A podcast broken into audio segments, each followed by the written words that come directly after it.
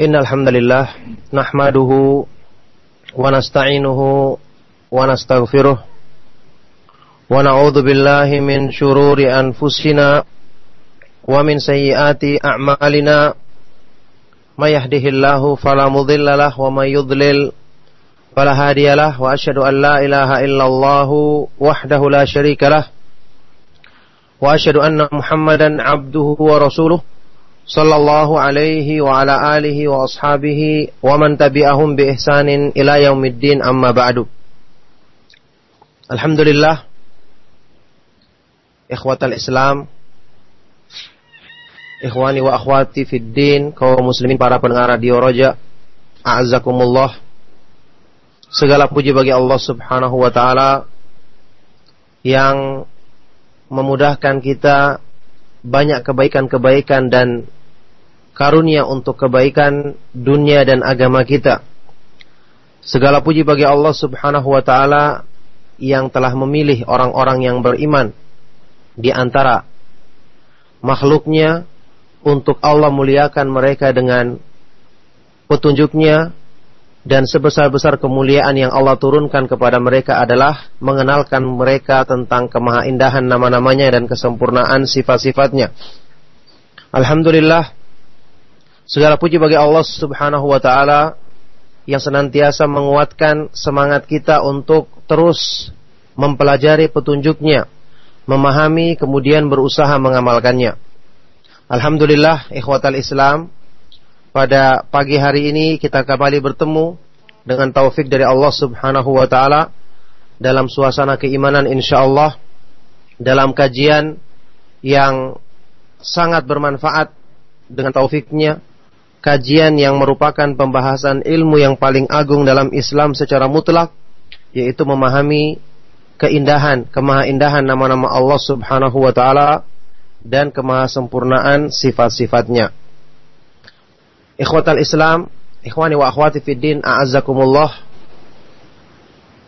Uh, sebelum saya menyampaikan kajian yang akan saya bawakan di pagi hari ini insyaallah terlebih dahulu saya ingin e, menanggapi beberapa usulan sehubungan dengan pembahasan kita. Asma apa ini? Tentang fikih asma al husna. Karena pembahasan tentang kitab ini kemungkinan besar sudah sebagian besar ya yang kami sampaikan. Dan memang sejak awal sedianya saya cuma ingin menyampaikan beberapa contoh yang nanti kita bisa kembangkan atau baca setelah kita fahami kaidah-kaidahnya secara umum dan kita bisa mengambil faedah darinya dalam hal dalam upaya untuk meningkatkan keimanan kita dan ketakwaan kita kepada Allah Subhanahu wa taala. Sekaligus juga telah kita bahas keutamaannya, berkali-kali telah kita bahas manfaatnya terhadap keimanan. Beberapa contoh dari bagaimana cara memahami nama-nama dan sifat-sifat Allah Subhanahu wa taala, kandungannya serta dampak positifnya terhadap keimanan. Maka beberapa usul yang sampai kepada saya untuk uh, mengatakan bahwa yang meminta untuk pembahasan tentang kitab ini cukup ya. Cukup dan diganti dengan pembahasan kitab yang lainnya. Pembahasan dengan kitab lainnya yang berhubungan dengan masalah keimanan yang setelah bermusyawarah dan mempertimbangkan ya seandainya ini juga uh, diizinkan oleh uh, apa ini para pengurus radio Rojak semoga Allah mereka menjaga mereka dalam kebaikan yaitu saya ingin mengganti pembahasan uh, apa ini jadi hari ini terakhir ya kita membahas tentang nama-nama uh, dan sifat-sifat Allah Subhanahu wa taala untuk kajian rutin kita. Setelah itu akan anda ganti insya Allah dengan kajian kitab tulisan Imam Ibnu Qayyim rahimahullah taala yaitu Al-Wabilus Sayyib minal kalimit thayyib yang membahas tentang faedah-faedah berzikir kepada Allah, faedah-faedah membaca Al-Qur'an, faedah-faedah yang berhubungan dengan amalan ketaatan yang sangat bermanfaat untuk memotivasi kita dalam kebaikan untuk apa ini mendukung sempurnanya keimanan seorang hamba dengan dia merenungi merenungi faedah-faedah tersebut. Maka ini usulan dari saya pribadi yang semoga Allah Subhanahu wa taala mudahkan kita untuk bisa melakukan segala kebaikan. Karena adanya beberapa permintaan untuk uh, kajian tentang uh, Asmaul Husna ya cukup karena sudah banyak contohnya dan kaidah-kaidahnya sudah dijelaskan. Maka semoga uh, usulan ini diterima dan semoga Allah Subhanahu wa taala memudahkan kita untuk mengambil manfaat dari kitab yang ditulis oleh para ulama Ahlus Sunnah wal Jamaah utamanya kitab-kitab yang menjelaskan tentang keimanan karena inilah tujuan kita mempelajari petunjuk Allah adalah untuk meningkatkan ketakwaan kita meningkatkan ketakwaan kita dan menyempurnakan penghambaan diri kita kepada Allah Subhanahu wa taala. Ya demikian oleh karena itulah untuk kajian penutup tentang uh, memahami nama-nama dan sifat-sifat Allah Subhanahu wa taala. Dalam kesempatan ini saya ingin menyampaikan sebuah pembahasan yang dibawakan oleh Imam Ibnu Qayyim dalam kitabnya Raudhatul Muhibbin wa Nuzhatul Mushtaqin tentang faedah yang beliau sebutkan dalam salah satu bab kitab ini. Anna ladzata tabi'atun lil mahabbati fil kamali wan nuqsan.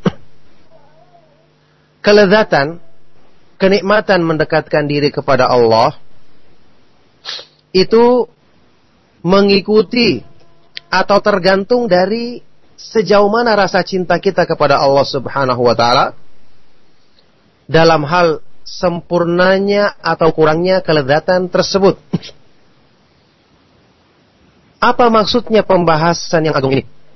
Yang semoga Allah Subhanahu wa taala mudahkan segala kebaikan, mudahkan kita merasakan kesempurnaan dan kelezatan kemanisan iman. Maksudnya adalah kalau sempurna kecintaan seorang hamba atau semakin bertambah kecintaan seorang hamba kepada Allah Subhanahu wa taala, maka dengan sendirinya nanti ketika dia melakukan khidmah penghambaan diri, ketika dia melakukan pendekatan diri kepada zat yang dicintainya, maka dia akan merasakan kelezatan. Maka kesulitan-kesulitan yang dirasakan oleh orang-orang yang jahil untuk dirinya berganti menjadi kenikmatan. Dalam beberapa kajian kita mungkin saya pernah nukilkan sebuah athar yang terkenal dari Ali bin Abi Thalib radhiyallahu taala anhu sewaktu beliau menyebutkan beberapa faedah ilmu bagi orang-orang yang mempelajarinya utamanya dalam hal ilmu ini membawa pemiliknya untuk merasakan kelezatan iman beliau mengatakan hajama bihimul ilmu ila haqiqatil amri fastalanu mastaw'ara minhul mutrafun wa anisu bimastawhasha minhul jahilun. Ilmu membawa mereka tanpa mereka sadari untuk merasakan hakikat kenikmatan yang sesungguhnya dalam berislam, kenikmatan yang sesungguhnya dalam beribadah dan mendekatkan diri kepada Allah. Maka setelah itu fastalanu mereka merasakan mudah dan ringan Mastau arominhul mutrofun sesuatu yang dianggap berat dan susah oleh orang-orang yang jauh dari ilmu dan orang-orang yang jahil. Nah di sini terjawab pertanyaan yang ada dalam benak kebanyakan kita. Dan ternyata di sini terbukti kelemahan iman kita. Karena kalau kita masih merasakan ibadah itu sebagai beban, amalan taat itu sebagai sesuatu yang memberatkan. Kalau ada yang masih merasa menutup aurat itu panas, bikin gerah, sehingga dia lebih bangga untuk membuka auratnya. ada yang masih berkomentar kalau memakai pakaian yang syar'i malu, risih dilihat orang. Maka berarti kecintaan kepada Allah Subhanahu wa taala dalam dirinya lemah berarti imannya lemah. Karena kalau semakin kuat dan sempurna kecintaannya kepada Allah, justru dia akan merasakan kelezatan dalam ibadah-ibadah tersebut. Dan justru yang merasakan rasa berat seperti ini adalah orang-orang yang apa? Yang dikatakan oleh Ali bin, Abi Thalib lagi adalah orang-orang yang mutrafun melampaui batas. Wa anisu bimastauhasya minhul jahilun. Orang-orang yang jahil. Jauh dari petunjuk Allah subhanahu wa ta'ala. Jauh dari pemahaman agama yang benar. Maka di sinilah. Ma'asyiral ikhwa wal akhwat fi din rahimakumullah. Kenapa kita berusaha menempa jiwa kita, mengisi hati kita dengan sebab-sebab yang menumbuhkan atau menyempurnakan kecintaan kita kepada Allah? Sebabnya karena ini, tabi'atun lil mahabbah. Kelezatan yang kita rasakan ketika mendekatkan diri kepada Allah itu tergantung dari rasa cinta kita kepadanya. Kalau hati kita belum dipenuhi rasa cinta kepada Allah Subhanahu wa taala, maka tentu hidup kita hanya kita isi dengan hal-hal yang diinginkan oleh syahwat dan hawa nafsu kita. Yang itu hakikatnya justru mencelakakan diri kita sendiri. Maha benar Allah subhanahu wa ta'ala yang berfirman menyebutkan tentang fungsi diturunkannya petunjuknya kepada manusia fa imma ya'tiyannakum minni hudan famanittaba'a hudaya fala yadhillu wa la yashqa maka jika datang kepadamu petunjuk dariku wahai manusia maka sungguh barang siapa yang mengikuti petunjukku dia tidak akan sesat di dunia ini dan dia tidak akan sengsara. Mesti dia bahagia hidupnya. Nah sekarang pertanyaannya, kenapa kita belum bisa merasakan Islam ini sebagai sumber kebahagiaan? Kenapa kita belum bisa menjadikan iman sebagai hal yang paling lezat yang kita utamakan? Sehingga keluhan-keluhan seperti tadi, merasa berat ketika menutup aurat, merasa berat ketika melaksanakan sholat, atau puasa atau ibadah kepada Allah Subhanahu wa taala yang seharusnya ini adalah makanan utama bagi ruh dan jiwa manusia. Bahkan melebihi dari kebutuhan manusia terhadap hal-hal yang pokok. Kita sudah kenal dan sering dengar ucapan Imam Ahmad bin Hambal, "An-nasu yahtajuna ilal ilmi aktsaru min hajatihim ila ta'ami wasyarab." Manusia butuh kepada ilmu, kepada petunjuk Allah lebih daripada kebutuhan mereka terhadap makanan dan minuman. Tapi kenapa waktu kita terlambat makan sedikit saja, terlambat minum sedikit saja, kita uring-uringan, kelaparan, kehausan. Tapi waktu kita terlambat mengikuti pengajian, bahkan luput mengikuti pengajian berkali-kali, kita tidak merasakan ada yang kurang diri kita. Berarti kita termasuk orang-orang yang disifati oleh Ali bin Abi Thalib dalam athar yang sahih tadi, mutrafun, melampaui batas orang-orang yang lalai Jahilun. Orang-orang yang jahil, orang-orang yang bodoh tidak mengenal petunjuk Allah. Maka ikhwatal Islam, kaum muslimin para pendengar rojak rahimakumullah, wadakir fa inna dzikra tanfa'ul mu'minin. Berilah peringatan karena peringatan itu bermanfaat bagi orang-orang yang beriman. Kita berusaha untuk menyempurnakan cinta kita kepada Allah. Dan inilah sebabnya kenapa amalan hati itu memiliki peranan besar dalam memudahkan amalan anggota badan manusia mengikuti kebaikan-kebaikan. Hal ini disebabkan karena semakin sempurna kita mengenal Allah, mengenal kebaikan-kebaikannya, mengenal hikmah-hikmah dari perbuatannya yang menghendaki kebaikan, kemaslahatan bagi hambanya. mengenal luasnya kasih sayang Allah subhanahu wa ta'ala yang bahkan lebih luas dari apa yang dilakukan oleh manusia. Mengenal luasnya pengampunannya seperti yang sudah sering kita bahas dalam kajian. Memahami nama-nama dan sifat-sifat Allah di pertemuan-pertemuan yang lalu. Ini akan menumbuhkan rasa cinta kepada Allah subhanahu wa ta'ala yang dengan itu kita akan merasakan kelezatan ketika mendekatkan diri kepadanya, yang dengan itu kita akan selalu mengusahakan, mendahulukan, mengutamakan cinta kepada Allah Subhanahu wa taala dibandingkan dengan segala sesuatu yang diinginkan oleh hawa nafsu kita. Kita ingat bersama doanya Nabi sallallahu alaihi wasallam dalam hadis yang sahih, Allahumma inni as'aluka hubbaka wa hubba man yuhibbuka wa hubba amalin yuqarribuni ila hubbik. Ya Allah, sesungguhnya aku memohon kepadamu hubbak, kecintaan kepadamu.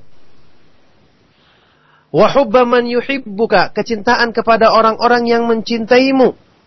Wa hubba amalin yuqarribuni ila hubbika dan mencintai amal-amal perbuatan yang mendekatkan mendekatkanku kepada cinta kepadamu. Nah inilah rahasianya. Kenapa ma'rifatullah mengenal Allah yang merupakan sebab utama untuk bisa menyempurnakan kecintaan kepadanya. Kenapa ilmu ini merupakan ilmu yang paling mulia secara mutlak? Karena ini memang merupakan gerbang utama untuk meraih kesempurnaan iman. Makanya dalam pembahasan yang disampaikan oleh Imam Ibnu Qayyim dalam kitabnya yang saya isyaratkan tadi ini benar-benar membuat kita merenung. Ibaratnya ibadah-ibadah yang kita lakukan selama ini karena tanpa adanya rasa lezat kita untuk waktu melaksanakannya, maka ibadah-ibadah tersebut adalah ibadah-ibadah yang kosong. Tidak disertai dengan semangat dalam hati kita. Kenapa dalam Al-Quran disifati atau dipuji hamba-hambanya yang selalu musara'a ilal khairat. Innahum kanu yusari'una fil khairati. Raghaban wa. Mereka para nabi adalah orang-orang yang selalu bersegera berlomba-lomba dalam kebaikan karena mereka beribadah dengan cinta. Sehingga mereka mengejar ibadah tersebut. Mengetahui kebutuhan mereka terhadap ibadah melebihi dari segala sesuatu. Ini sebabnya Kenapa? Cinta kepada Allah Subhanahu wa taala yang jalan utama untuk meraihnya adalah dengan mengenal Allah melalui pemahaman terhadap nama-nama dan sifat-sifatnya. Kenapa ilmu ini menjadi ilmu yang paling mulia dalam Islam? Karena memang merupakan sebab besar untuk menyempurnakan keimanan seorang hamba kepada Allah Subhanahu wa taala untuk memudahkannya untuk meraih kemanisan iman, kelezatan dalam mendekatkan diri kepada Allah Subhanahu wa taala yang dengan itu ibadah menjadi penyejuk hatinya, penghibur bagi kegalauan dalam uh, kesulitan dalam masalah-masalah yang dihadapinya sebagaimana sabda Nabi Shallallahu alaihi wasallam yang menggambarkan tentang salat dalam hadis yang sahih riwayat An-Nasa'i dan yang lainnya wajulat qurratu aini fi salah jadikan kesejukan bagi hatiku penghibur bagi jiwaku ketika aku melaksanakan aku melaksanakan salat maka ma'asyiral ikhwah wal akhwat fid din azakumullah. Kita akan lihat keterangan yang dibawakan oleh Imam Ibnu Qayyim rahimahullah taala dalam pembahasan ini. Ya, apa ini tentu saja dengan ringkas yang saya akan bacakan beberapa keterangan beliau. Beliau mengatakan kullama qawiyat mahab qawiyatil mahabbatu qawiyatil ladzatu bi idrakil mahbub maka semakin besar pula, semakin kuat pula kenikmatan yang dirasakannya untuk mencapai kekasih yang dicintainya. Ini kaidah umum karena yang namanya al-ladzah, kelezatan atau kenikmatan itu seperti yang diterangkan oleh beberapa ulama di antaranya Ibnu Taimiyah rahimahullah taala beliau mengatakan idrakul mulaim sababul ladzah wa idrakul munafi sababul alam. Ini kaidah secara umum. Idrakul mulaim mengetahui, mengenal sesuatu yang mulaim sesuai dengan diri kita. Ini adalah sebab untuk merasakan kelezatan sebagaimana mengenal mengetahui sesuatu yang berlawanan dengan diri kita ini adalah sebab dari rasa sakit yang kita yang kita akan rasakan. Nah, oleh karena itulah di sini Imam Ibnu Qayyim rahimahullah taala menjelaskan ketika membahas masalah ini Beliau mengatakan wa idza kanatil ladzatu matlubatan li nafsiha fahiya innama tudhammu idza aqabat alaman a'zama minha au mana'at ladzatan khairan minha. Maka kalau kelezatan itu, kenikmatan itu diinginkan pada zatnya,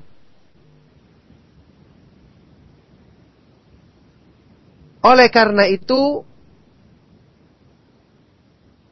kelezatan itu bisa menjadi tercela kalau dia nanti berakibat ini secara umum ya, ya pengertian dari kelezatan secara umum. Jika kelezatan itu berakibat, dia akan dicela jika berakibat membawa kepada alaman a'zama minha. Membawa kepada penderitaan yang lebih besar daripada kelezatan tersebut. Jadi ini kaidah umum dalam memahami kenikmatan atau kelezatan. Maka satu kelezatan akan dicela kalau dia membawa kepada keburukan atau malapetaka yang lebih besar daripada kelezatan yang dirasakan sesuatu. Atau mencegah dia dari kelezatan yang lebih baik darinya. Nah, kalau bicara tentang keimanan, kalau bicara tentang keimanan, kita bicara dengan kacamata agama, orang-orang yang mengklaim bahwasanya dalam kehidupan dunia, ketika mereka memuaskan hawa nafsu dan syahwatnya, mereka mengatakan bahwa dia merasakan kelezatan. Dia merasakan kelezatan katanya. Tetapi tidak ber, tidak ubahnya kelezatan seperti ini, kelezatan yang semu seperti ini adalah seperti orang yang memakan makanan yang disangkanya lezat yang mengandung racun yang sebentar lagi membunuhnya. Maka ini jelas akan diingkari atau dijauhi oleh semua jiwa manusia yang yang normal. Karena akibat yang ditimbulkannya nanti lebih besar dan mencegah dia dari kenikmatan atau kelezatan yang lebih besar pula. Wa tuhmadu idza a'anat 'ala ladzati daimatil mustaqar mustaqirrati wa hiya ladzatu daril akhirati wa na'imiha. Alladhi huwa afdalu na'imin wa ajalluhu ya, dan kelezatan itu akan dipuji, akan dikejar kalau kelezatan tersebut membantu manusia untuk merasakan kelezatan yang kekal abadi, yaitu kelezatan di negeri akhirat, dan merasakan kenikmatannya, yang ini merupakan kenikmatan dan e, merupakan kenikmatan dan kelezatan yang paling agung, paling mulia. Sebagaimana firman Allah Subhanahu wa taala, lilladzina ahsanu fi hadhihi dunya hasanatun waladarul akhirati khairu wala ni'ma darul muttaqin. Surat An-Nahl ayat ke-30. Bagi orang-orang yang berbuat kebaikan dalam kehidupan di dunia, dia akan mendapatkan hasanah, kebaikan di dunia. Dan sungguh negeri akhirat lebih baik, dan itu adalah sebaik-baik negeri tempat kembali orang-orang yang bertakwa. Sekarang, contoh gampangnya dalam kehidupan di dunia. Ketika seorang manusia mengenal atau menganggap harta itu adalah sumber kenikmatan bagi dirinya. Karena syaitan menghiasi keburukan amal perbuatannya. Afama afaman zuyyina lahu su'u amalihi fara'ahu hasanan apakah orang-orang yang dihiasi keburukan perbuatannya sehingga dia memandangnya sebagai perbuatan yang baik? Dia menganggap dunia atau harta sebagai kedudukan sebagai kelezatan tertinggi baginya. Apa yang dia lakukan? Dia akan mengejar harta dan dunia itu siang dan malam tiada henti-hentinya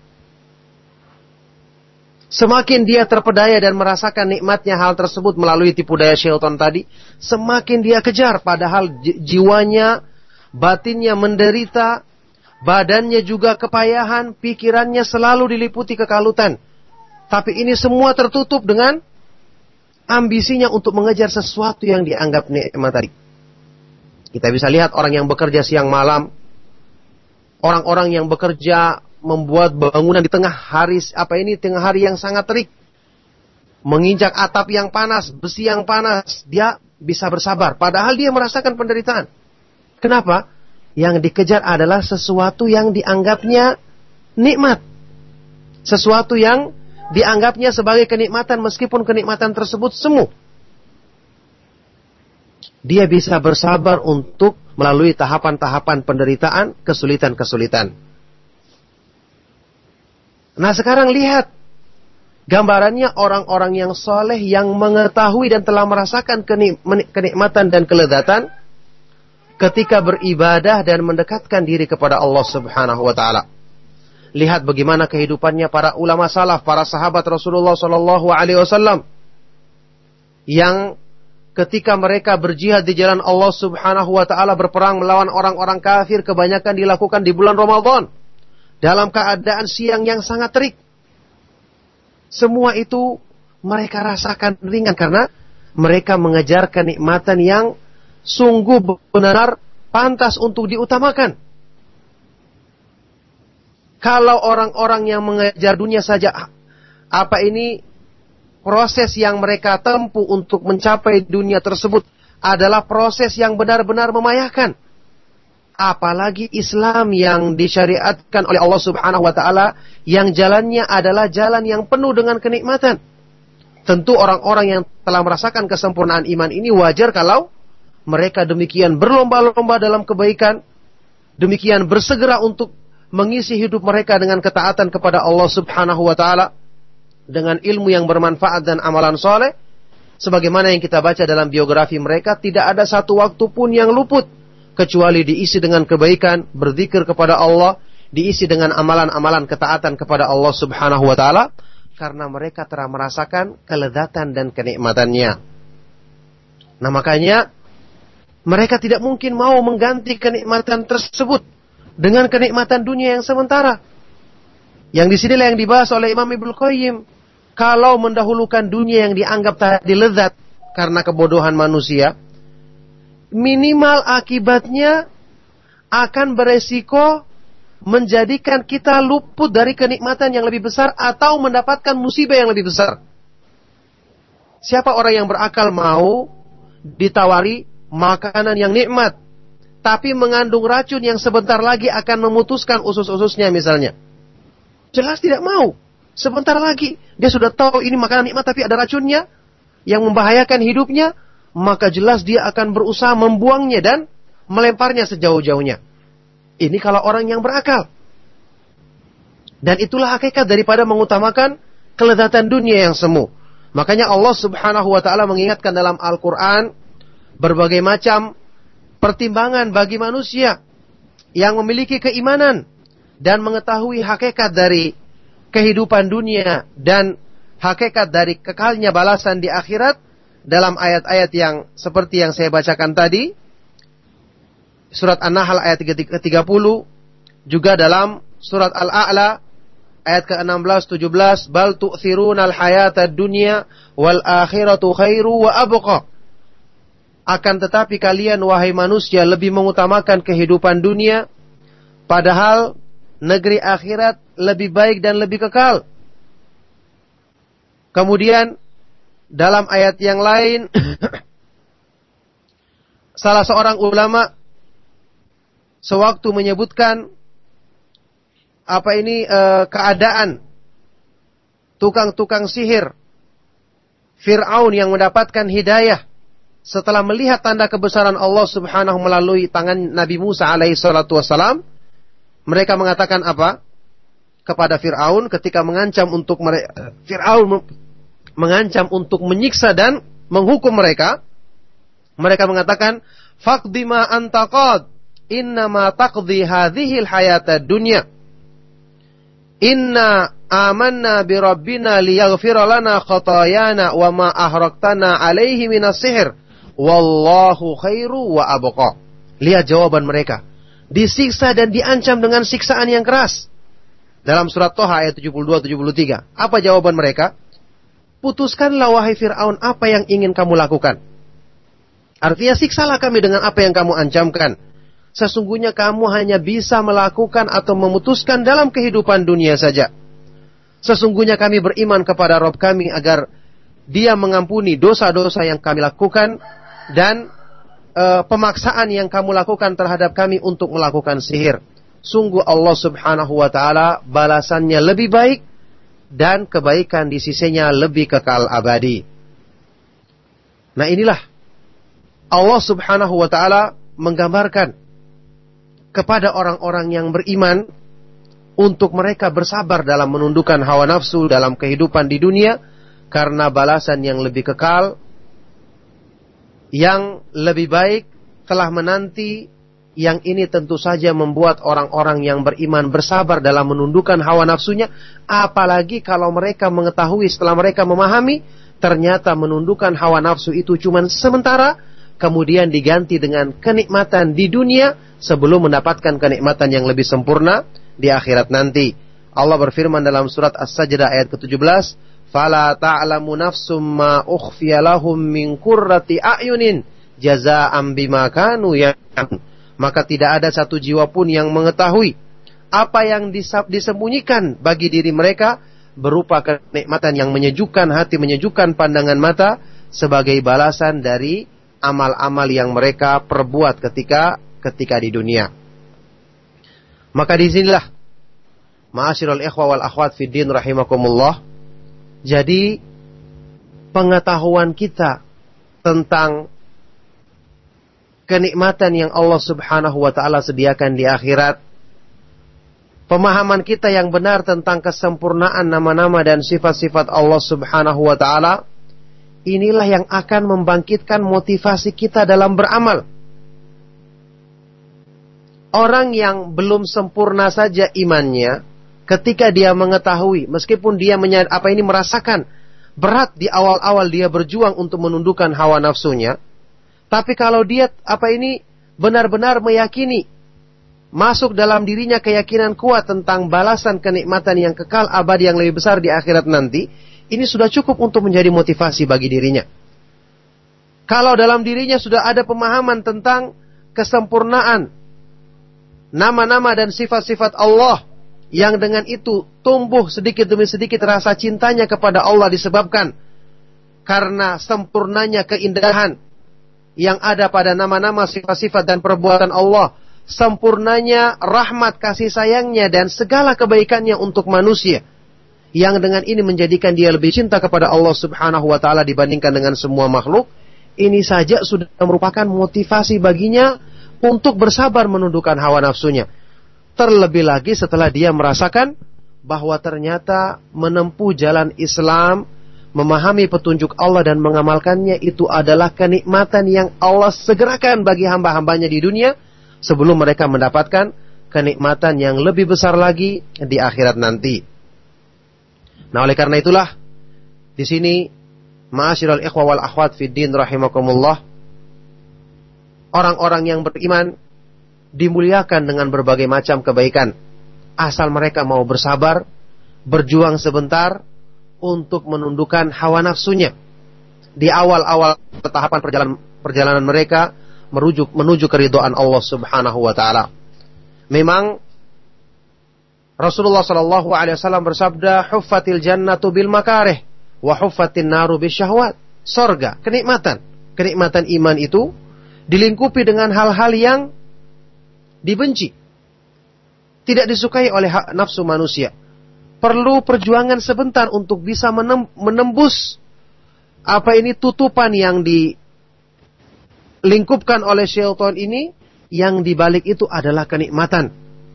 Yang ini butuh waktu yang tidak lama dan mudah bagi orang-orang yang dimudahkan oleh Allah Subhanahu wa taala. Sementara yang namanya neraka penderitaan yang berkepanjangan itu dilingkupi dengan hal-hal yang disukai oleh syahwat nafsu manusia. Nauzubillahi min dalik. Nah, oleh karena itulah kita belajar bersabar, belajar bersabar menghadiri majelis ilmu, belajar bersabar untuk melawan kejenuhan ketika mendengarkan kajian-kajian tentang petunjuk Allah Subhanahu wa taala, apalagi tentang masalah-masalah akidah dan keimanan. Kita bersabar untuk meraih semua ini, memahaminya, mengamalkannya, dan melatih diri kita untuk bisa memiliki sifat-sifat yang mulia, ini merupakan tahapan demi Allah untuk menyempurnakan kenikmatan dan kelezatan kita ketika beribadah dan mendekatkan diri kepada Allah Subhanahu wa taala untuk kita meraih kebaikan di dunia sebelum kita meraih kebaikan yang lebih sempurna di di akhirat nanti. Nah, oleh karena itulah, ma'asyiral ikhwah wal akhwat fiddin rahimakumullah. Di sini sebagai teguran juga yang ingin Anda sampaikan kepada kita sehubungan dengan banyaknya keluhan dan orang-orang yang berkomentar mengatakan e, mengikuti pengajian rutin itu bosan dan jenuh, mengikuti kajian-kajian yang membahas tentang masalah akidah, membahas tentang Al-Qur'an, mengatakan jenuh. Yang diinginkannya adalah hanya apa ini semata-mata pembahasan yang maunya pembahasan-pembahasan yang di situ ada selingan apa ini yang yang di situ dipenuhi dan dipenuhi dengan uh, nukilan-nukilan uh, yang kurang bermanfaat. Sekedar contoh-contoh yang tidak ter, yang tidak bersumber dari keterangan para ulama salaf atau sekedar gurauan-gurauan yang terkadang berlebihan dan sama sekali tidak bersumber dari keterangan para ulama salaf. Ini termasuk kritikan bagi orang-orang yang seharusnya sudah meningkat imannya, meningkat pemahamannya tentang agama, bukan ini lagi yang dicari. Kalau orang-orang awam yang baru mengikuti pengajian, yang mereka senangi adalah sekedar guyonan atau sekedar lelucon dalam pengajian tersebut, maka kita katakan tidak usah ikut pengajian, nonton saja pertunjukan lawak, dagelan. Kalau mencari ilmu yang nanti akan bermanfaat untuk kita untuk merubah hati kita, adalah cari ilmu yang bersumber dari keterangan Al-Quran dan Sunnah dengan menukil ucapannya para ulama salaf. Menukil keterangan-keterangan dan contoh-contoh dari mereka. Meskipun tidak kita katakan tidak boleh ada guyonan sama sekali, jelas tidak. Tetapi tidak berlebihan. Dan guyonan tersebut juga tidak keluar dari materi pembahasan. Dan bukan dijadikan sebagai tujuan utama. Sehingga ada orang yang ketika pengajian dia cuma mencari jenis-jenis pengajian yang dirasakan enak didengar oleh telinganya. Ya kita bertanya, subhanallah, apakah demikian sempurna keimanan orang ini sampai semua materi kajian tersebut senang didengar oleh dirinya. Seolah-olah semua apa ini imannya sudah sempurna sehingga tidak ada lagi kritikan untuk dirinya. Padahal ibadahnya demikian kurang, ketaatan kepada Allah demikian kurang dalam dirinya. Maka jelas ini merupakan perkara yang tidak dibenarkan. Maksudnya perkara yang diragukan. Seandainya benar-benar ilmu yang dipelajari itu bermanfaat, maka mestinya kita banyak tersinggung. Mestinya kita banyak merasa dikritik dengan pemahaman ilmu yang disampaikan di hadapan kita. Bukankah orang-orang yang dikehendaki kebaikan dalam dirinya adalah orang-orang yang tersinggung dan tersentuh ketika mereka mendengarkan ayat-ayat Al-Quran dan hadis-hadis Rasulullah Sallallahu Alaihi Wasallam yang dibacakan di hadapannya yang kemudian ketika dia menyadari dirinya masih kurang dalam melakukannya ini menyentuh menyentuh hatinya untuk untuk mau berubah. Makanya azikratan faul mu'minin Fa inna dzikratan faul mu'minin. Peringatan itu bermanfaat bagi orang-orang yang beriman. Inna fi dzalika la dzikra liman kana lahu qalbun. Al-Quran itu merupakan peringatan bagi orang-orang yang masih punya hati. Maka kalau seandainya kita hanya inginkan dengarkan kajian-kajian yang mengenakan pendengaran, tidak ada kritikan, hanya kajian-kajian yang bersifat hiburan saja, tidak ada kesungguhan untuk memasukkannya dalam hati kita, untuk merubah diri kita, maka kajian-kajian seperti ini manfaatnya akan kurang dan tidak membawa peningkatan untuk diri kita. Mungkin dalam beberapa kajian saya pernah isyaratkan dan bisa kita saksikan sampai saat ini. Kalau kita baca biografinya para ulama salaf dalam mereka menuntut ilmu, mempelajari ilmu sunnah, apakah kajian mereka itu dipenuhi dengan penjelasan yang panjang lebar, sekedar menekankan pada keindahan berkata-kata, kemampuan untuk menyusun retorika yang baik, Baca keterangan para ulama salaf. Yang dibaca cuma hadatsana fulan, hadatsana fulan, qala, qala Rasulullah SAW. Membaca perawi-perawi hadis sampai kepada ucapan Nabi SAW. Bahkan sampai hampir-hampir tidak ada penjelasan. Makanya waktu Imam Abu Ubaid Al-Qasim bin Salam menulis kitab Gharibul Hadis, penjelasan tentang apa ini kalimat-kalimat yang asing yang kadang-kadang kurang difahami dalam masalah hadis Nabi SAW tujuan beliau untuk membantu penuntut ilmu memahami makna hadis, apalagi kalimat-kalimat yang asing kadang-kadang uh, orang-orang yang kurang dalam bahasa Arabnya kurang faham. Ini saja penjelasan yang ringkas seperti ini diingkari oleh Imam Ahmad. Diingkari karena khawatir memalingkan manusia dari mempelajari ilmu sunnah. Padahal penjelasan ringkas. Nah bayangkan dibandingkan dengan keadaan kita saat ini. Begitu panjang lebarnya penjelasan yang disampaikan. Begitu banyaknya keterangan-keterangan ilmu yang disampaikan. Sehingga menjadikan orang-orang yang lemah iman seperti kita. Ketika ayat-ayat Al-Quran yang dibacakan, hadis-hadis yang dibacakan tidak tersentuh jiwanya. Baru kalau penjelasan manusia yang dihiasi dengan kata-kata indah baru tersentuh jiwanya. Ini bagaimana caranya seperti ini? Bagaimana mungkin apa ini ucapan manusia yang lebih bisa apa ini menyentuh jiwanya atau berkesan bagi dirinya dibandingkan ketika dibacakan firman Allah, dibacakan ayat ini, ayat kedua, dibacakan hadis dia merasa jenuh dan merasa jenuh dan bosan. Nah, oleh karena itulah saya katakan tadi para ulama salaf dulu menuntut ilmu mengikuti kajian-kajian rutin hadis-hadis yang dibacakan. Sampai saat ini kalau kita menghadiri pengajian-pengajian di Masjid Nabawi, Masjidil Haram, itu mereka membaca hadis-hadis Nabi SAW dengan perawinya. Kalau kita tidak sungguh-sungguh kita akan merasa jenuh. Tapi justru itulah ilmu yang sebenarnya. Itulah yang bermanfaat untuk memperbaiki keadaan keadaan diri manusia. Maka oleh karena itu wahai penuntut ilmu, wahai orang-orang yang menginginkan kemuliaan dalam dirinya, ingat menuntut ilmu itu perlu perjuangan menundukkan hawa nafsu. Jangan cuma menginginkan sesuatu yang disenangi oleh nafsu kita. Harusnya kita curiga. Kalau nafsu kita sudah senang, nafsu itu kan amaratun bisu. Selalu memerintahkan kepada keburukan. Bahkan ada salah satu keterangan Imam Ibnu Qayyim yang mengatakan, jika ada dua perkara yang kita ragu memilihnya, cara mudah untuk menyikapinya kata beliau, lihat mana yang paling dekat kepada hawa nafsu, maka tinggalkan karena itu mesti mendatangkan keburukan.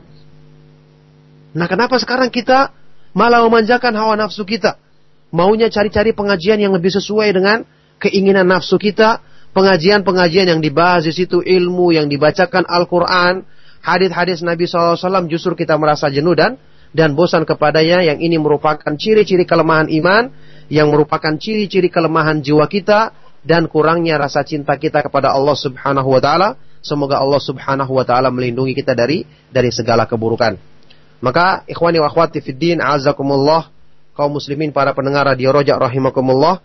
Ini apa ini kajian yang bisa saya bawakan dalam kesempatan kajian kali ini yang saya katakan tadi sekedar mengingatkan dan menyimpulkan kembali faedah-faedah yang telah kita dapatkan dari memahami, mempelajari tentang kemahaindahan nama-nama Allah dan kemahasempurnaan sifat-sifatnya, kemahatinggian perbuatan-perbuatannya, faedah dan kandungannya terhadap keimanan yang butuh untuk kita ulangi, kita murojaah kembali.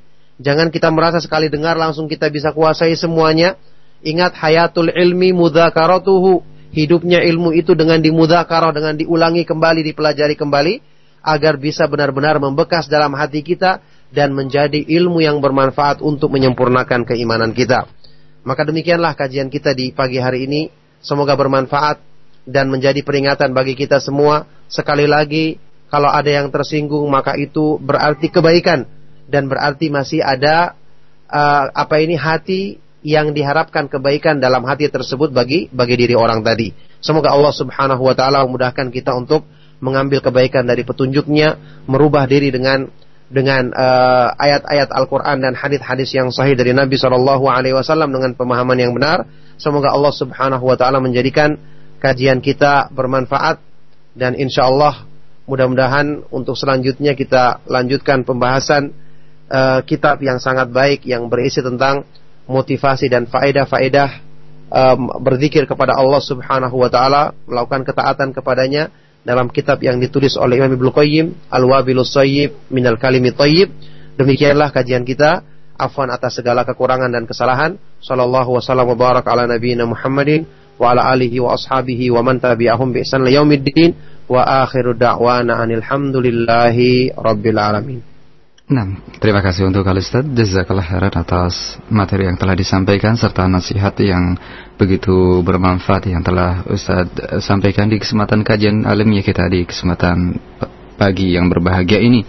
Saudaraku seiman dan seakidah untuk selanjutnya mari kita buka sesi tanya jawab dan kami berikan kesempatan untuk Anda yang akan bertanya via telepon di 0218236543 atau dengan pesan singkat di 0819896543.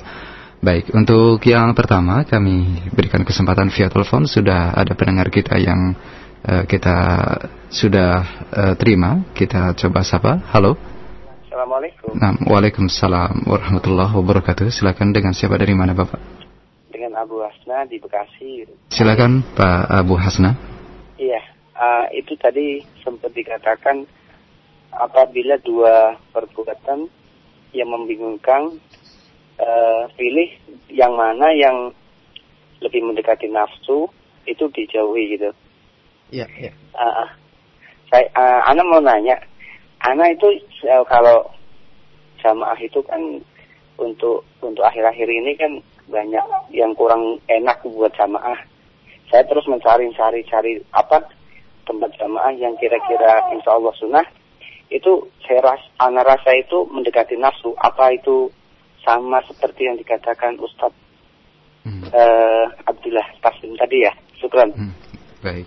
Ya, Baik, Assalamualaikum. Terima kasih. Nah, Waalaikumsalam warahmatullahi wabarakatuh. Terima kasih Pak Abu Hasna. Silakan Ustaz. Ya, uh, tentu yang dimaksud dengan mendekati nafsu di sini adalah hal-hal yang berhubungan dengan perkara-perkara yang tidak ada dalilnya secara jelas ya. Kalau seandainya nanti ada dalilnya secara jelas, misalnya ada satu uh, pengajian yang di situ dibahas sunnah, dibahas dalil-dalil, ada pengajian lain, maka ini tidak perlu lagi dipakai nafsu karena sudah jelas ada dalilnya. Sudah jelas ada dalilnya atau satunya perkara halal, satunya haram, maka ini tidak perlu lagi pertimbangan karena sudah jelas ada dalilnya, tidak perlu lagi pertimbangan apa-apa. Ini maksudnya yang beliau sebutkan tadi adalah sehubungan dalam masalah-masalah dunia yang tentu saja kalau kita ingin minta petunjuk ya kita salat istikharah. Cuma misalnya waktu kita terbatas dan harus memutuskan saat itu, karena kita pakai kaidah asal nafsu itu ammaratun bisu ya selalu merintahkan kepada keburukan maka perkara yang paling dekat kepada nafsu itu biasanya membawa kepada keburukan maka itulah yang kita jauhi untuk kita memilih perkara yang jauh dari nafsu manusia. Nah, Nah, baik, terima kasih Jazakallah khairan atas jawaban Ustaz di kesempatan pertanyaan yang pertama tadi dari Abu Hasna. Di kesempatan kedua sudah kami terima telepon dari Bapak Mukhlis di Cilincing. Silakan Bapak. Assalamualaikum Ustaz. Waalaikumsalam warahmatullahi wabarakatuh. Silakan. Uh, kita mengetahui bahwa keimanan setiap orang akan diuji oleh Allah Subhanahu wa taala. Iya. Kemudian bila selama hidup kita rasanya belum beginilah belum mendapatkan cobaan yang tidak bisa kita pecahkan atau hmm. kita bisa tangani. Iya. Apa yang harus kita lakukan? Uh, pertama, uh, hmm. harus kita introspeksi diri bahwa ternyata iman kita belum baik atau atau kita takut Ustaz uh, bahwa cobaan ini ternyata nantinya belum datang akan datang uh, manakala kita nantinya tidak bisa menanganinya di kemudian hari.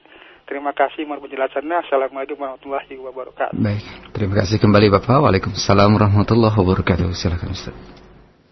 Iya, yang pertama kita diperintahkan untuk selalu mohon kepada Allah Subhanahu wa taala meminta keselamatan dalam agama kita.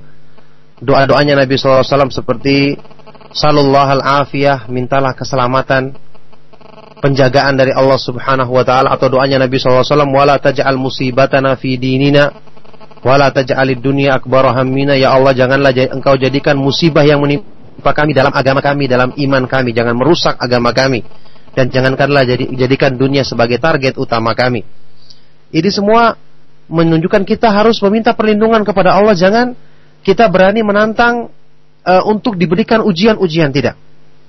Cuman kita yakin bahwasanya hal-hal yang menjadi ujian keimanan itu mesti akan dilewati oleh setiap manusia dalam kehidupan di dunia dan kadang-kadang kita tidak sadar bahwa itu ujian. Jadi jangan kita bayangkan ujian itu atau cobaan itu, apalagi cobaan dalam keimanan itu adalah perkara-perkara yang harus orang semua menyadarinya tidak. Orang-orang yang misalnya naudzubillah min dzalik ditimpa pemahaman bid'ah sampai mungkin dia rela mengorbankan jiwanya karena pemahaman bid'ah tersebut, dia tidak sadar bahwa dia terjerumus ke dalam fitnah yang besar. Makanya dalam dalam hadis riwayat Imam Muslim, Rasulullah SAW pernah menggambarkan fitnah di akhir zaman dalam sabda beliau, "Badiru bil a'mali fitanan kakita lailil mudlimah." Yusbihu rajulu mu'minan wa yumsi kafiran wa yumsi mu'minan wa yusbihu kafiran hendaknya kalian bersegera dalam melakukan amal-amal kebaikan sebelum datangnya fitnah-fitnah ujian keimanan yang gambarnya gambarannya seperti bagian malam yang gelap gulita, tidak nampak, samar, sangat-sangat samar. Tidak kelihatan. Sehingga ada orang yang di pagi hari dalam keadaan beriman, sore hari dia telah menjadi kufur, naudzubillah min dzalik. Ada orang yang sore hari masih dalam keadaan beriman, besok paginya dia telah menjadi kufur tanpa disadarinya. Jadi ini menggambarkan kepada kita Makanya kita terus memohon pertolongan kepada Allah, terus berlindung dari segala keburukan, memohon kepada Allah agar jangan sampai ada musibah yang merusak agama kita seperti doanya Nabi SAW tadi. Tujuannya adalah untuk kita membentengi diri kita ketika munculnya fitnah tadi, jangan sampai merusak agama kita, merusak keyakinan kita, merusak keimanan kita kepada Allah Subhanahu wa taala. Baik, terima kasih atas jawaban yang sudah disampaikan di kesempatan ketiga. Kita uh, masih berikan kesempatan via telepon. Sudah ada Bapak Abu Arif, uh, Bapak Abu Arifah di Jakarta Timur. Halo, silakan Pak. Halo, nah, terputus. Kami coba kembali untuk membuka telepon Anda di 0218236543. Halo. Assalamualaikum warahmatullahi wabarakatuh. Waalaikumsalam warahmatullahi wabarakatuh. Silakan Ibu. Ya, Barakallahu fiik Ustaz. Fika barakallah. Ya, ini Ustaz jika ada uh, seorang istri yang belum memiliki anak di kesibukannya sehari-hari istri tersebut uh, mengerjakan pekerjaan rumah tangga itu sampai sore dan mengajar TPA. Uh, kemudian istri itu mengikuti kajian rutin kira-kira satu pekan tiga kali. Uh, apa uh, istri istri itu ingin uh, merapikan catatan dan mendengar mengul atau mengulang kajian yang telah didapat. Namun waktu yang paling banyak ia punya itu di waktu malam gitu. Mana yang lebih diutamakan e, salat malam atau merapikan catatan kajian tersebut e, sambil mengulang e, apa kajian yang telah didapat itu. Itu aja Ustaz. kalau khairan. Assalamualaikum warahmatullahi wabarakatuh. Waalaikumsalam warahmatullahi wabarakatuh. Terima kasih Ibu atas pertanyaannya. Silahkan Ustaz. Ya, tentu sebaik-baik manusia, sebaik-baik hamba adalah yang bisa melakukan semua kebaikan-kebaikan yang Allah Subhanahu wa taala syariatkan dalam agamanya.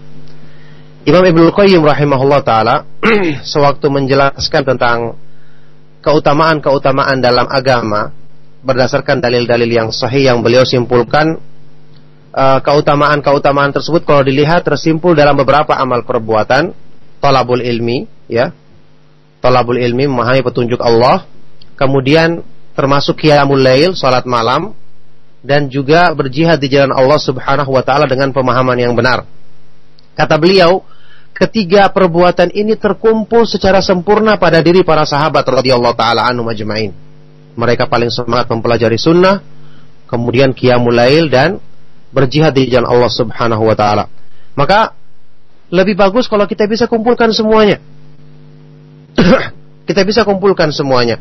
Kalau misalnya waktu kita tidak begitu banyak untuk bisa sempurna sholat malamnya misalnya sampai rakaat yang panjang atau rakaat sebelas rakaat misalnya maka kita bagi ada waktu untuk tolabul ilmi murajaah pelajaran yang ini sudah kita ketahui juga kebiasaannya para ulama salaf dulu sampai-sampai di sebagian dari para ulama salaf dan sering kisahnya kita dapatkan bahwa mereka ketika memurojaah pelajaran saling diskusi tentang ilmu hadis dari habis salat isya sampai adzan subuh.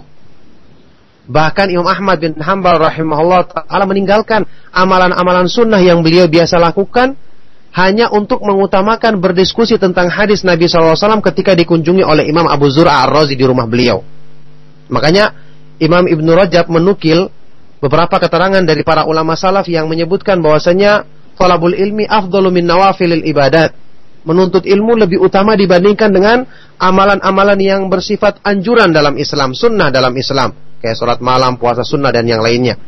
Maka ini jelas ilmu jangan sampai kita luputkan. Kalau waktu kita paling besar untuk menuntut ilmu paling longgar malam hari kita berikan waktu yang besar untuk ilmu. Tapi jangan sampai juga kita luputkan kebaikan lain.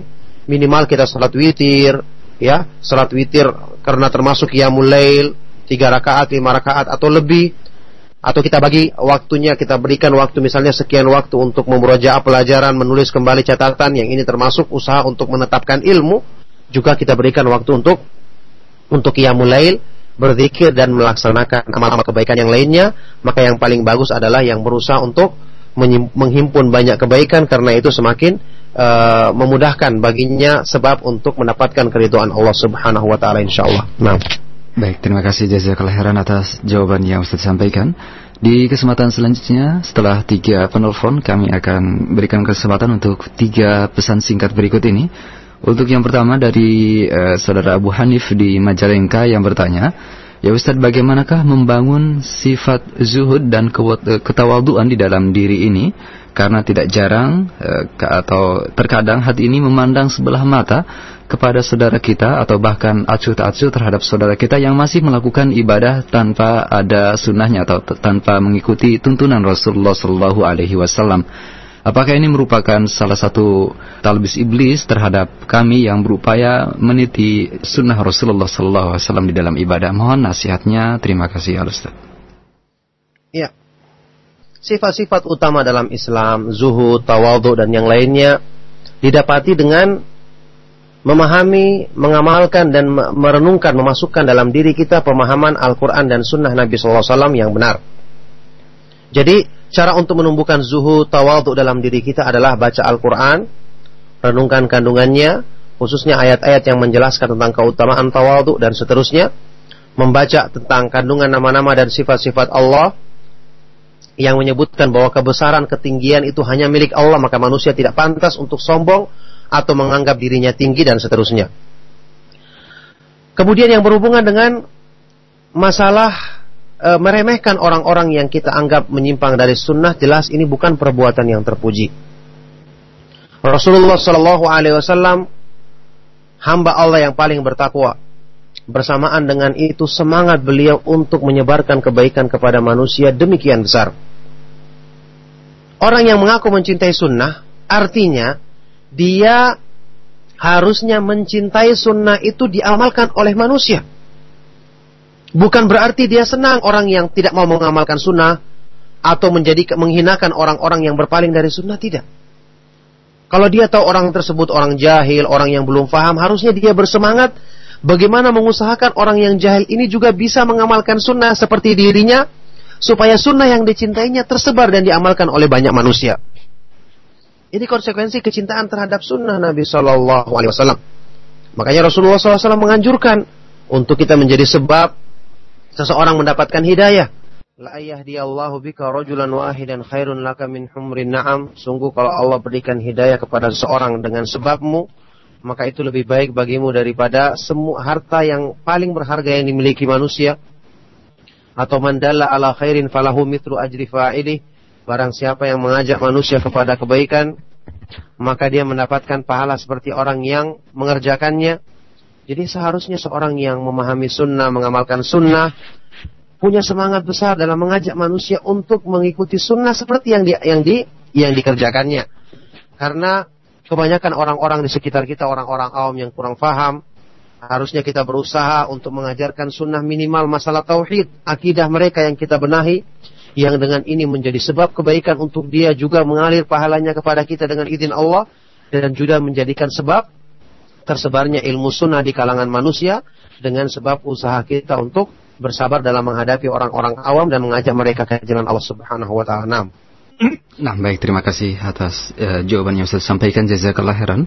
Berikut kami angkat pertanyaan pesan singkat yang kedua dari Umu Rifa di Depok yang bertanya, Ustadz Barakallahu fi, uh, kita terkadang merasakan sesak karena merasa dosa-dosa yang masa lalu kita lakukan hingga kita bersuudzon kepada Allah Subhanahu wa taala bahwa Allah menjauhi uh, kita dan menghambat amal-amalan kita. Dan Allah Subhanahu wa taala uh, belum mengampuni dosa-dosa kita. Apakah ini termasuk hawa nafsu ya Ustaz? Mohon nasihatnya jazakallahu khairan. Nah, pertanyaan yang disampaikan tadi ini merupakan tipu daya syaitan kegelapan di atas kegelapan. Sudah berbuat dosa, bersangka buruk lagi kepada Allah. Naudzubillahimin dzalik. Ini tidak diperbolehkan.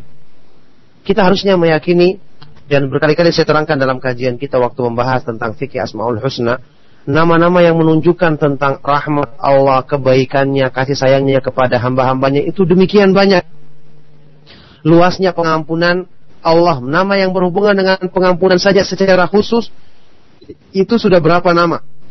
Ada Al-Ghafur, Al-Ghaffar, Maha Pengampun, At-Tawwab, Maha Penerima Tobat, Al-Afu, Maha Pemaaf. Sudah paling tidak ada empat nama. Belum lagi yang berhubungan dengan kebaikannya, Rah Rahim, Rahman, kemudian Al-Muhsin, Al-Jawad, Maha Dermawan, Al-Karim, Maha Pemurah, dan seterusnya. Demikian banyak. Sampai-sampai dalam hadis yang sahih riwayat Imam Muslim Rasulullah SAW bersabda, Inna Allah kataba kitabatan wa huwa indahu fawqal arshi inna rahmati sabaqat ghadabi. Sesungguhnya Allah Subhanahu wa taala menuliskan sebuah ketetapan di sisinya di atas arsnya, sesungguhnya rahmatku mendahului kemurkaanku. Maka ketika kita menyadari tidak ada yang bisa mengampuni dosa kecuali Allah. Tidak ada yang bisa maafkan kesalahan kita kecuali kepada Allah. Lantas kita lari kepada siapa kalau bukan kembali kepadanya? Maka ketahuilah rahmat Allah subhanahu wa ta'ala lebih luas daripada dosa-dosa yang kita lakukan.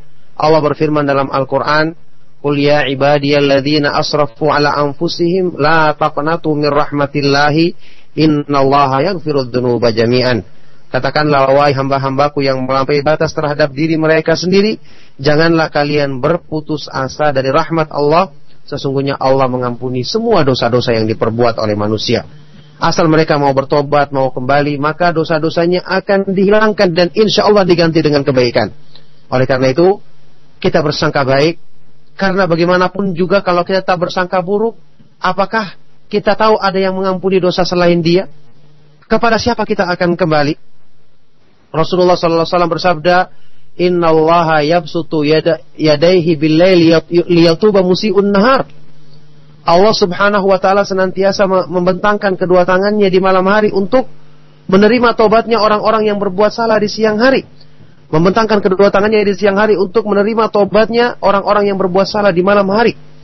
Maka demikian besar janji dari Allah Subhanahu wa taala kenapa kita bersangka buruk dan meragukan janji dari zat yang maha sempurna kebaikan-kebaikannya. Oleh karena itulah sekarang kita rubah diri kita bertobat kepada Allah dimulai dengan bersangka baik, bersungguh-sungguh melakukan tobat, menyesal, bertekad untuk tidak mengulangi dan menghindari sebab-sebab yang membawa kepada dosa tersebut dan mengganti dengan kebaikan-kebaikan maka insya Allah perbuatan kita di masa lalu akan diampuni. Nasihatnya Imam Fudail bin Iyad rahimahullah taala yang mengatakan tuhsin fima baqiya yughfar laka ma madha.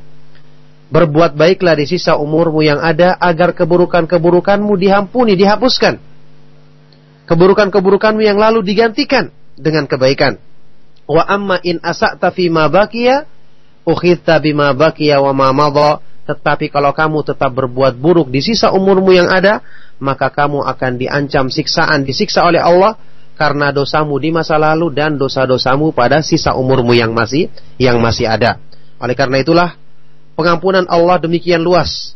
Perbuatan dosa yang dilakukan sepanjang hidup manusia dengan apa ini berbuat baik di sisa umurnya yang mungkin tinggal sedikit, maka ini bisa menghapuskan dosa-dosa yang lalu karena Rasulullah SAW bersabda, "Atta ibu minadan bikaman ladan balahu." Orang yang telah bertobat dari dosanya seperti orang yang tidak pernah berbuat dosa sama sekali. Semoga Allah Subhanahu wa taala memudahkan kita untuk selalu bertobat dan kembali kembali kepadanya. Nah. Baik, terima kasih jazakallahu khairan. Semoga bermanfaat untuk Umur Rifa dan para pendengar serta kita semua. Terima kasih atas jawaban Ustaz. Satu pertanyaan terakhir Ustaz kami angkat dari pendengar kita ada Umu Konita di Surabaya dan Bapak Heru di Jakarta yang bertanya hal yang sama.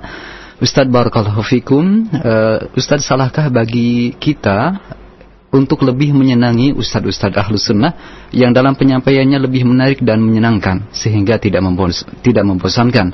Dan uh, bolehkah bagi kita untuk memilih ustadz-ustadz yang uh, yang kita undang atau kita minta untuk mengajar di majelis ta'lim atau masjid-masjid sekitar kita yang ringan penyampaiannya karena kebanyakan dari masyarakat di sekitar kami adalah orang-orang awam dan khawatir mereka cepat jenuh di dalam uh, mengkaji di depan uh, asatidah halus sunnah wal jamaah. Mohon penjelasan dan nasihat dari Al-Ustaz Jazakallah khairan. Ya, barakallahu fikum pertanyaan yang sangat baik dan bermanfaat sekali. uh, memilih ustadz-ustadz ahlu sunnah yang penyampaiannya lebih bagus, Ini tidak salah dan merupakan kebaikan yang besar. Cuman masalahnya dan ini kita akui semua, tentu ustadz-ustadz itu sendiri kan bertingkat-tingkat kemampuan ilmunya. Seandainya sekarang ini ada ustadz yang seperti Syekhul Islam Ibnu Taimiyah, seperti Imam Bukhari hafalannya, seperti Imam Sa'id Ibnu Musayyib ilmunya, tentu dia yang akan kita panggil di mana-mana untuk pengajian-pengajian. Tapi masalahnya setiap ustadz punya kelebihan sendiri-sendiri. Ada yang menguasai satu masalah ini, ada masalah lain. Ada yang satu menguasai masalah pembahasan yang lainnya kurang dalam hal ini. Harusnya ini termasuk yang pertimbangan kita. Karena kita ingin mempelajari agama ini secara keseluruhan. Bukan cuma sekedar kita ingin dengarkan kata-katanya. Memang tidak tidak salah kalau apalagi kalau kita undang untuk orang-orang awam kita pilih yang demikian. Tetapi kalau kita untuk meningkatkan keimanan, kita butuh yang lebih daripada sekedar penjelasan. Kita butuh banyak nukilan. Kenapa kita dikatakan sebagai ahlu sunnah, sebagai salafi? Bukan karena karena kita cinta kepada salafus soleh, kita menuntut ilmu berdasarkan pemahaman salafus soleh. Tapi kalau ada ustadz yang hanya menyampaikan sekedar kepandaian berkata-kata, tidak ada nukilan. Kalaupun nukilan juga kita tahu ya, namanya nukilan apalagi Al-Quran dan Sunnah kalau dibawakan dalam bahasa Arab kan itu beda nilainya. Dengan sekedar nukilan yang disampaikan lewat terjemahan, iya kan? Tentu beda penilaiannya. Meskipun untuk orang awam mungkin mereka cukup dengan bahasa terjemahan atau yang lainnya. Tapi kita orang yang ingin meningkatkan ilmu, tentu beda. Dan ma'asyiral ikhwah fiddin azakumullah antum bisa bandingkan sendiri. Sampai ini kita bisa nilai orang yang baru-baru mengikuti pengajian sama sudah lama itu bisa kita nilai dari jenis pengajian yang disukainya.